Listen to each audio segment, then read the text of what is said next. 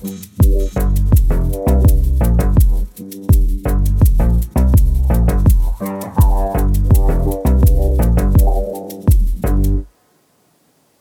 och välkommen till Äkta Spåman Podcast där vår gäst är Amanda Bergman som är en artist. Är, är, det, är det något mer? Eh, jag är också, mm, vad heter det, mm, djurskötare. Är det något som du arbetar med? Ja, all min lediga tid. Ja. Jag har får och katter och höns. Det, det är jättespännande då ju. Men vi kan säga, det, det finns ju en del djur i kortleken som Ja. dyker upp här. Men eh, jag tänker också att det finns så lite om dig, så här, som, eller känns som berättelsen om dig. Eller det är mer så här bara du vill vara som en professionell musiker eller något. Eller så här att människan Amanda Bergman finns lite berättelse om. Ja, ja. Är du liksom, har du, vill du vara hemlighetsfull eller har du integritet? Eller? Ja. Det har jag, men jag vet inte. Jag tycker nog att jag pratar ganska mycket om mig själv. Men ibland är jag också sån som öppnar upp mig för mycket så då blir folk rädda. och de bara, mm, skriver inte det där, ta något annat. Eh, det kan vara så. Jag har faktiskt ingen aning om vad det beror på. Men sen är det klart att så här, jag är inte liksom intresserad av att...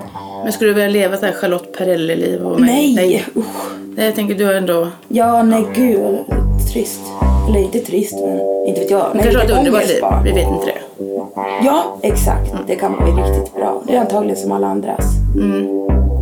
Men du skulle inte vilja typ eh, göra ett heminredningsreportage i Hänt Extra för Nej. att få en ny pool till ditt hus Nej, i. Dalarna? Aldrig i livet. Jag tycker bäst om att vara eh, för mig själv. Mm, med att inte vara offentlig, så att säga. Jag tycker det är mer utav... Det, där känner jag mig bekväm och det känner jag att det är mitt riktiga liv som jag vurmar för. Och sen så i mitt yrke så är det en, en del av det är ju att uttrycka sig inför andra människor i olika eh, medium och eh, det gör jag men jag skulle inte dö för det. Är så. Äkta Spåman Podcast. Presenteras av det magiska klädföretaget Elvine. Men du, är, du, är du som en ändå... Du vill ju vara på scen och så till exempel. Är det någon form av exhibitionism eller ofrivillig? Alltså någon, det finns ju något i elände som driver det där såklart. Ja. Men jag tycker att eh, 70-30 att det är besvärligt. Och, Mm. och 30 att det är okej. Så jag, jag vet inte varför jag ställer mig på en scen ärligt talat. Nej. Men det tycker jag inte egentligen. Jag, jag tycker att det är okej när jag kommer till en scen för då är det någon slags överlevnadsinstinkt som tar Är du rädd över. då innan du går upp på scenen? Jag kan vara rädd flera månader innan. Mhm. Så det är inte liksom jättebra arbetsmiljömässigt. Men du ger ju intryck av att vara väldigt trygg också, eller? Mm. Men kanske är det att du är från Dalarna? Mm, nej, men jag tror Så- att jag är så pass otrygg att jag har tränat mig ganska mycket på att utstråla trygghet. Eh, att ens förutsättningar är så, så, så dåliga att man, man lär sig redan tidigt att kompensera för dem. Och till slut blir man bra på att kompensera för dem. Så att folk tror ju oftast inte att jag har något bekymmer av att stå på scen. Medan jag själv eh, tycker att det är ett riktigt problem. Men samtidigt så vill jag ju helst inte, eller jag vill ju hellre liksom lära mig att hantera det på ett bättre sätt än att bara skita i det heller. Jag är också man- ganska envis så, att jag vill inte bara, eller liksom, ibland vill jag ju ge upp såklart.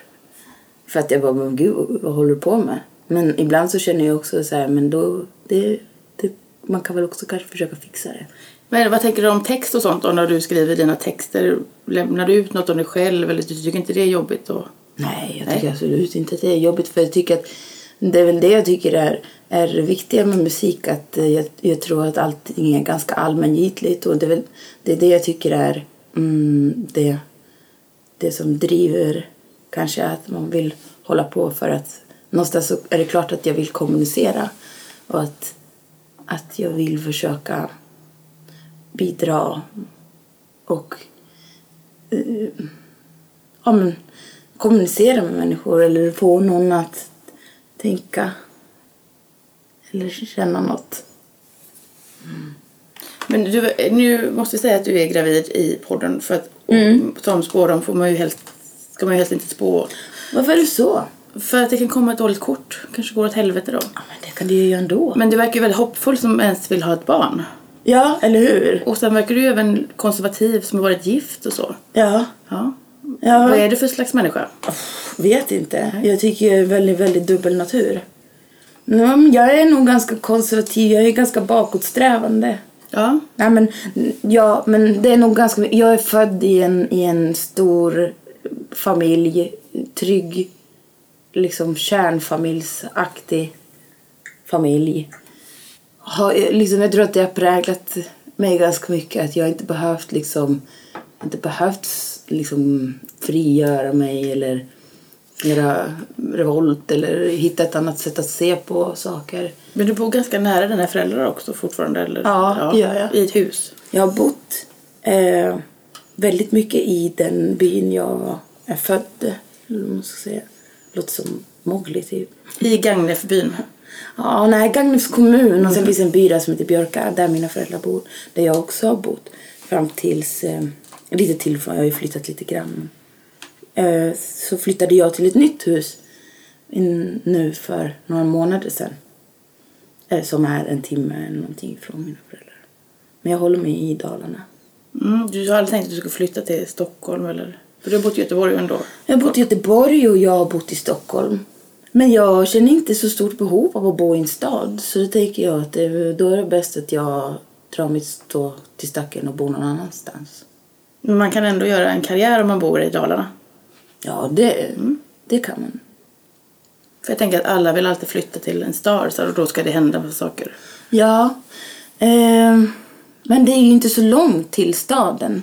Nej. Och eh, sen så eh, när jag började med musik och, och eh, började få någon form av uppmärksamhet för det så bodde jag liksom på landet. Alltså, det finns ju in, eh, internet gör ju att man som kulturarbetare kan vara lite mer mobil.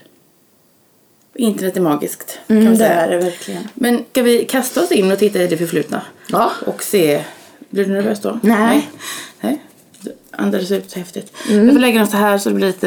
Eh, då får du dra ett kort här helt enkelt. Som är, du får känna efter. Har du blivit sport förut? Måste vi fråga. Ja. Jaha. ja. Vad händer då? då? Eh, ja, men jag brukar gå till, eh, en, inte en spådam, men en astrolog och sådär. Ganska ofta tycker jag. Jag tycker det är hjälpsamt. Mm. Eh, och jag brukar Är du styrd av astrologi? Nej, jag är inte styrd av det, men jag, jag är liksom intresserad av det. Så, Vad är det för stjärntecken? skorpion. Typisk skorpion. Det hade vi vid ett annat avsnitt för några veckor sedan. Vi pratade väldigt mycket om skorpionen. Typiska skorpioner. Mm. Ja. Nu, jag kan dra vilket som Nu helst. får du dra vilket kort som helst här i alla fall. Vad snabbt du drog. Ja. Ja. Och då är första kortet döden. Nej men gud vad tråkigt.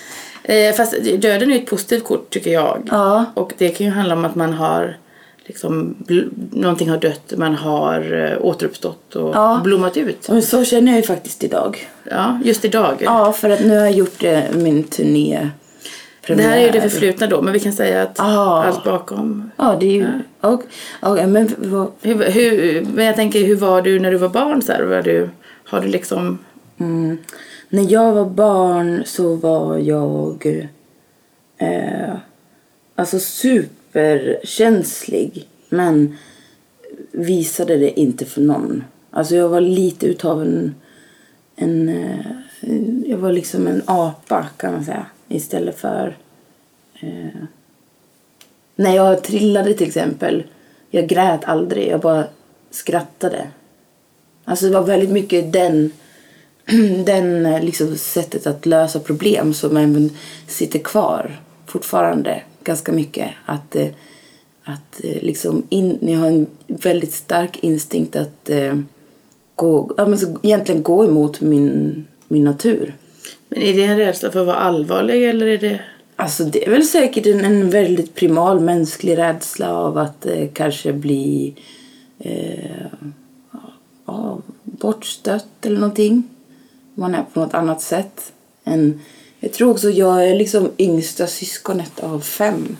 Så att eh, det är ganska mycket, du vet, när man är då yngsta syskon. Ingen i din familj är ju imponerad av någonting överhuvudtaget. Inte vet jag, om du lär dig cykla eller någonting. Det är liksom ingen som bryr sig om det. Det har hänt fyra gånger förut. Eh, så man hittar ju liksom andra sätt att försöka kommunicera med sin omgivning. Och det kan ju då vara till exempel att, att bjuda på ett skratt. Eller att inte vara till besvär kanske. Handlar ditt konstnärskap tänker jag, om att bli bekräftad av din familj? Egentligen inte, men det är såklart att det alltid som människa så vill man ju bli bekräftad av de människorna man älskar och bryr sig om och vill ha vid sin sida hur man än gör. Men jag vet inte exakt hur det går till. Men jag kan inte svara nej på den frågan för det, jag tror att man alltid egentligen vill bekräftad. Men vad tänker du då, om du tänker på döden, så här, om du skulle tänka att något hade dött och återuppstått eller dött och det hade vuxit upp något nytt eller Mm. har du liksom lämnat det förflutna bakom dig eller har du blivit en ny människa? Ja, nu är eh, inte lämnat det förflutet. Men hur blir det då i dina nära relationer och så? Blir människor... Ja, det är lite trixigt för till exempel... Nej, men om det är väldigt... Om, om, om man är en apa då är man ju ganska bra på att utstråla egentligen motsatsen av vad man känner. Och det kan ju bli lite knivigt i nära relationer för att om man gör sådana saker på nästan ren reflex att liksom någonting händer, du reagerar och, och liksom din, din kropp och din hjärna och liksom ställer om blixtsnabbt till att eh, agera helt tvärtom. Liksom, ofta då när, när det kanske når, når en gräns och, och, och du, du bryter ihop eller du eh, tappar kontrollen så kommer det ofta som en ren chock för folk omkring en. Liksom. Alltså, Oj, men jag trodde att, att det var lugnt eller att det var... Och då blir det ju jävligt trassligt för då tar man ju helt plötsligt sjukt mycket plats i relationen. Så det kan lätt bli obalanser. Jag skulle säga att vara en apa är ju att liksom i motsatsen till att ta plats. Är det är Eh, nej, det är det ju inte när du säger det så. Men jag tror att om man är rädd för att ta plats med sin känslighet och sina känslor och sitt, eh, vad ska man säga, eh, man är ganska instabil egentligen. Och det är ju inte någonting som man vill utstråla till människor för det är ju rent av farligt. Alltså, om du till exempel är i en djurflock och är instabil, då åker du ju ut. Det gör du ju som människa också. Så det är ingen som vill vara så. Alltså vi försöker ju alltid rädda oss själva. Och man hittar ju på ganska kreativa lösningar.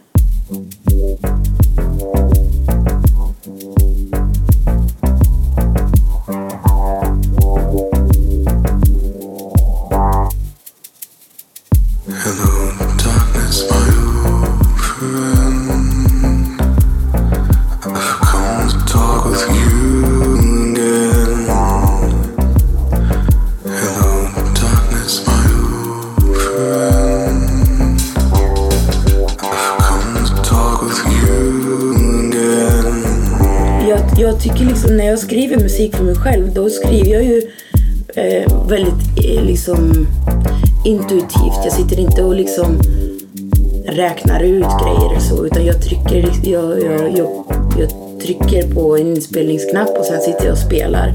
Och sen lyssnar jag efter ett tag om det blev någonting. Det är som att fiska ungefär. Och då så upptäcker jag ju ofta att när man jobbar på det intuitiva sättet så är jag ju ofta smartare eh, som låtskrivare än som person. Att jag kan liksom upptäcka i, i, i texter och musik att jag så att säga kan lite förekomma mig själv. Jag kan komma med slutsatser eh, som jag inte skulle kunna tänkt mig till i den situationen då. Så det kan vara väldigt utvecklande att skriva för att man men det är lite som eh, men man kan hitta, man kan hitta eh, man kan hitta tydlighet i sina tankar kanske. Man kan säga. Om jag måste återgå till kortet lite snabbt. Jag tänker om, det, har du lätt för att bryta upp så här? Har du lätt för att gå vidare från saker? Eller hänger du dig kvar och ältar? Det beror på vad det är. Alltså kärleksrelationen är jag skitdålig på bearbeta. Det kan jag liksom uppleva, återuppleva hemska grejer i sådana relationer mm, jätte, jättelänge efteråt. Men eh, väldigt mycket annat i livet är jag absolut väldigt förmögen att liksom acceptera och eh, eh, men lämna. Men hur fungerar det i kärleksrelationen då? Är du bra, lämnar du eller blir du... Eh, jag har gjort både och. Det är jag väldigt glad för. Att, eh, för att jag, när man går igenom sådana saker, oavsett vilken sida man är på, så önskar man alltid, alltid att den andra parten också får uppleva den andra sidan. För det är så otroligt, eh, det är så otroligt olika. Och så, eh, man, man kan aldrig förstå hur det känns att blivit lämnad innan man har blivit det. Det går liksom inte att lista ut det när man är den som lämnar. Det går inte att... Eh, Men hur gör man då om man blir lämnad och man ska tänka så här, hur ska jag... Kommer jag kunna älska någon igen och bla bla bla. sådana saker. Ja. det, det är hemskt när man går igenom den fasen. Men när man inte är i den Nu fasen... kan du ge ett livsråd här till våra lyssnare. Ja. Nej. Du är så välformulerad tycker jag. Det känns som att du har ett livsråd. Ja. Alltså det är jätteviktigt. Nummer ett är ju jätteviktigt att, att faktiskt gråta. Och att typ ge sig själv poäng eller eh, någonting varje gång man gör det. Alltså, Får apa gråta då? Ja, absolut. Alla. Så Alla. ofta man kan gråta. För det, det är det enda liksom egentligen rena sättet att liksom eh, bearbeta. Det tror jag är den smartaste lösningen. Du kan sitta och prata med dina vänner och alltihop och det kan vara väldigt, väldigt värdefullt. Men det blir också trassligare i, i kroppen. Jag tror väldigt mycket på att liksom det, sorg och sånt sitter jätte, jättemycket i det fysiska. Och, eh, så ja, nummer ett, gråta. Eh, ofta, inte mycket, men ofta. Eh, och två är att eh, koncentrera sig väldigt mycket. Alltså att, eh, att man i en sån process inte gör tusen grejer eller inte kräver tusen saker av sig själv utan att man verkligen koncentrerar sig på att till exempel bearbeta ett jobbigt minne oavsett om det hände igår eller för ett halvår sedan eller så. Att man liksom tar en sak i taget. Jag skriver ner vad det var som hände typ. Mm, hur, va, va, hur jag reagerade. Och sen ställer frågan, finns det någon annan mm, Finns det något annat svar eller någon annan sanning i situationen? Så, så att man liksom bryter kanske på det viset det man upplevde av att man typ var sämst i hela världen. Och sen så, eh, så, så liksom gör man om det till, finns det något annat sätt att se på situationen? Det brukar vara, jag tycker det, då brukar det lösas upp lite grann. För det är riktigt otäckt att gå runt med såna där liksom knölar och klumpar av förnedring och sorg. Så de, de ska man ryka ut. Mm. Begrava kanske. Ja, jättebra sätt. Gör små ceremonier så. Jag har begravt faktiskt ringar och grejer. Alltså det låter helt sjukt men det varit jätte, jättebra. Är det som en ritual då för dig? En magisk ritual nästan? Ja, för att jag kan inte sluta tänka på, på saker manuellt i huvudet. Jag kan inte sätta stopp. Jag måste liksom förankra det på något eh, fysiskt sätt. Att, så. Ska vi titta in i nuet? Vågar du dra Mm. Ja. ett kort till? Ja, jag tar alltid det jag först tänker på här. Ja. och då har vi kortet misslyckande i nuet. Det är sånt här man inte ska eh, spå då. Ja, men alltså, kvinnor. Jag känner så här, misslyckas man så misslyckas man. Jag är inte mer rädd för att misslyckas med min graviditet än med Nej liksom men något eh, annat. det är väl, nej men ja. Alltså allt skit kan hända så det, det, det gör ingenting faktiskt. ja. Men, men vad tänker du om kortet misslyckande då? För Mm. jag, jag tänker att misslyckande är ju något kanske positivt. Det är inte som att något ska dö eller... Nej. Misslyckande kanske är mer någonting... Ja, jag är extremt rädd för att misslyckas faktiskt. Jaså? Ja, det är nog en av mina största rädslor. Som, Vad fint att du lutar dig tillbaka samtidigt också. Kände dig bekväm att misslyckas. Ja, nu... Alltid när man... När, man, eh, när jag liksom kan betrakta eh, fenomenet att, att misslyckas från, från eh, lite avstånd. Då tycker jag ju liksom att bara, jag tycker det är toppen, Man ska misslyckas. Men när det, rädslan för det driver mig, då, då är det ju liksom total psykos. Då kan jag inte... Jag kan liksom inte... Eh, jag förmår inte att liksom kliva ur den eh, liksom forsen. Man, man hamnar liksom i, i en... eh, Men du, jag tänkte på... Ja. Eller förlåt, jag avbryter. Men jag Mm, tänkte på... Du sa det här att du eh, hade ångest i flera månader innan du skulle upp på en sten till exempel. Skulle det kunna vara så här? Är det det du är rädd Är det ett Mm. Ja. misslyckande? Ja, det är ju det. För att eh, jag är rädd för att misslyckas. Men nu har ju du varit på turné så vi kan ju tolka det här kortet som att du har haft mycket oro över att misslyckas då. extremt mycket oro. Ja, och nu är det alltså, färdigt. pinsamt mycket oro. Ja. Ja, det gick jättebra. ja. Ja. Och man vet ju alltid att göra det. Men det, är det, som, det är ju det där oron som är problemet. Det är ju inte egentligen vad man ska göra. Men det kan ju vara positivt tänker jag ändå att vara lite rädd för att misslyckas. Det är klart, det För är jag menar klart. människor har ändå betalat för att se dig. Då, då ska ju du ändå göra ditt bästa. Ja, verkligen. Man försöker väl pendla mellan att vara nonchalant och tänka bara skitsamma, det är verkligen inte världens viktigaste grej. Jag kan bara gå dit och helt enkelt inte vara något annat än precis det jag förmår just då. Å andra sidan så har man liksom fruktansvärda föreställningar om vad fantastiskt man skulle kunna göra det. Är det så att du går tillbaks på hotellet sen och bara grubblar över vad du Nej? Nej. Jag, normalt sett inte. Det händer ibland. Men det är också någonting som jag har lärt mig att så här, när spelningen är klar då kanske man liksom plåstrar om den lite grann och sådär men sen är det slut. Sen vill jag inte tänka på den eller läsa recensioner eller någonting. Liksom, då, då får det vara nog. Då Mm. får man gå vidare.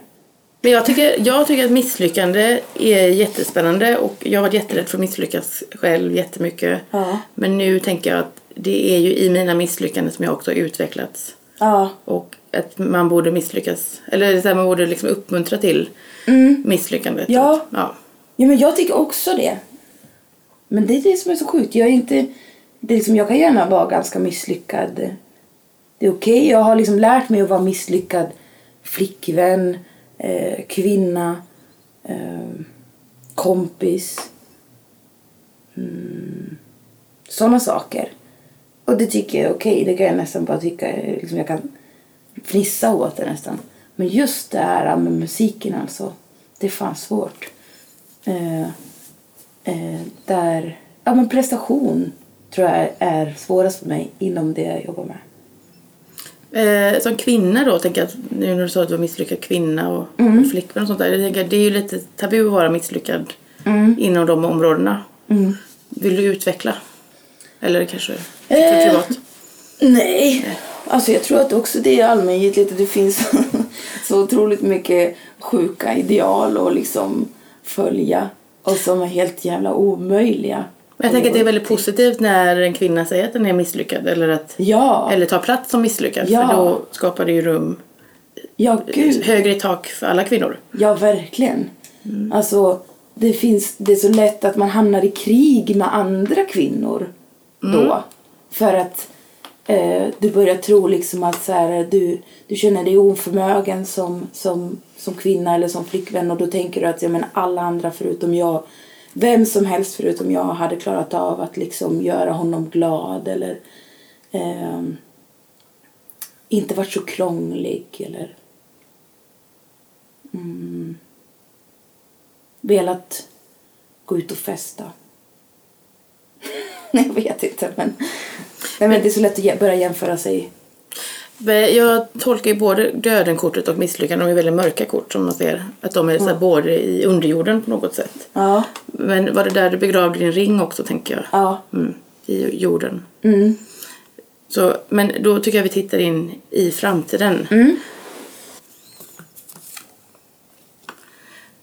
Då har vi balans. Ja, fan vad bra. Det tar vi. Det var neutralt och bra. Ja. Så vi slapp ångest. Ja, jätteskönt. Men, men eh, det här kortet, det tänker jag handlar jättemycket om rättvisa. Mm. Mer än så balans. Men klart ordning också och balans. Mm. Men eh, du kanske är på väg mot en mer balanserad tillvaro eller en inre... Ja, det hade ju varit Du jätte... kan både vara apa och människa. Ja. Jo, men det är ju... Det hade varit väldigt.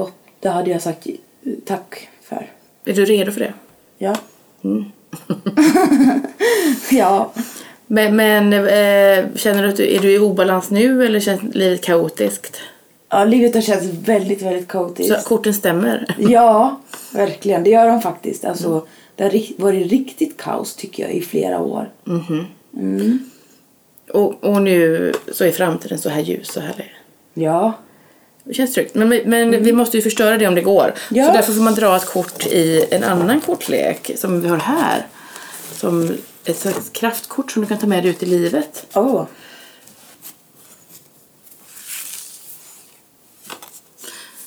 Och då är det kortet balans. Nej men vad sjukt. Det måste ju vara ödet. Ja. Och eh, då får du behålla det kortet Nej. som ett eh, kraftkort. Och där ser du eh, att det Wow. handlar om rättvisa. Och ormar. Ja, där ja. Just det. Och djur. Jätte, jättefint. Eh, jag tänker att spårdomen kanske är över. Om Mm. inte du har några frågor till korten eller... Nej, jag Nej. tyckte det var jättekul att bli spådd. Och vilket, vilket magiskt öde och vilket balanskortet. Ja, verkligen. Det Men- ska jag faktiskt sätta på kylskåpet. Det tycker jag. Tack så mycket för att du kom hit Amanda Bergman. Tack så mycket för att jag fick komma.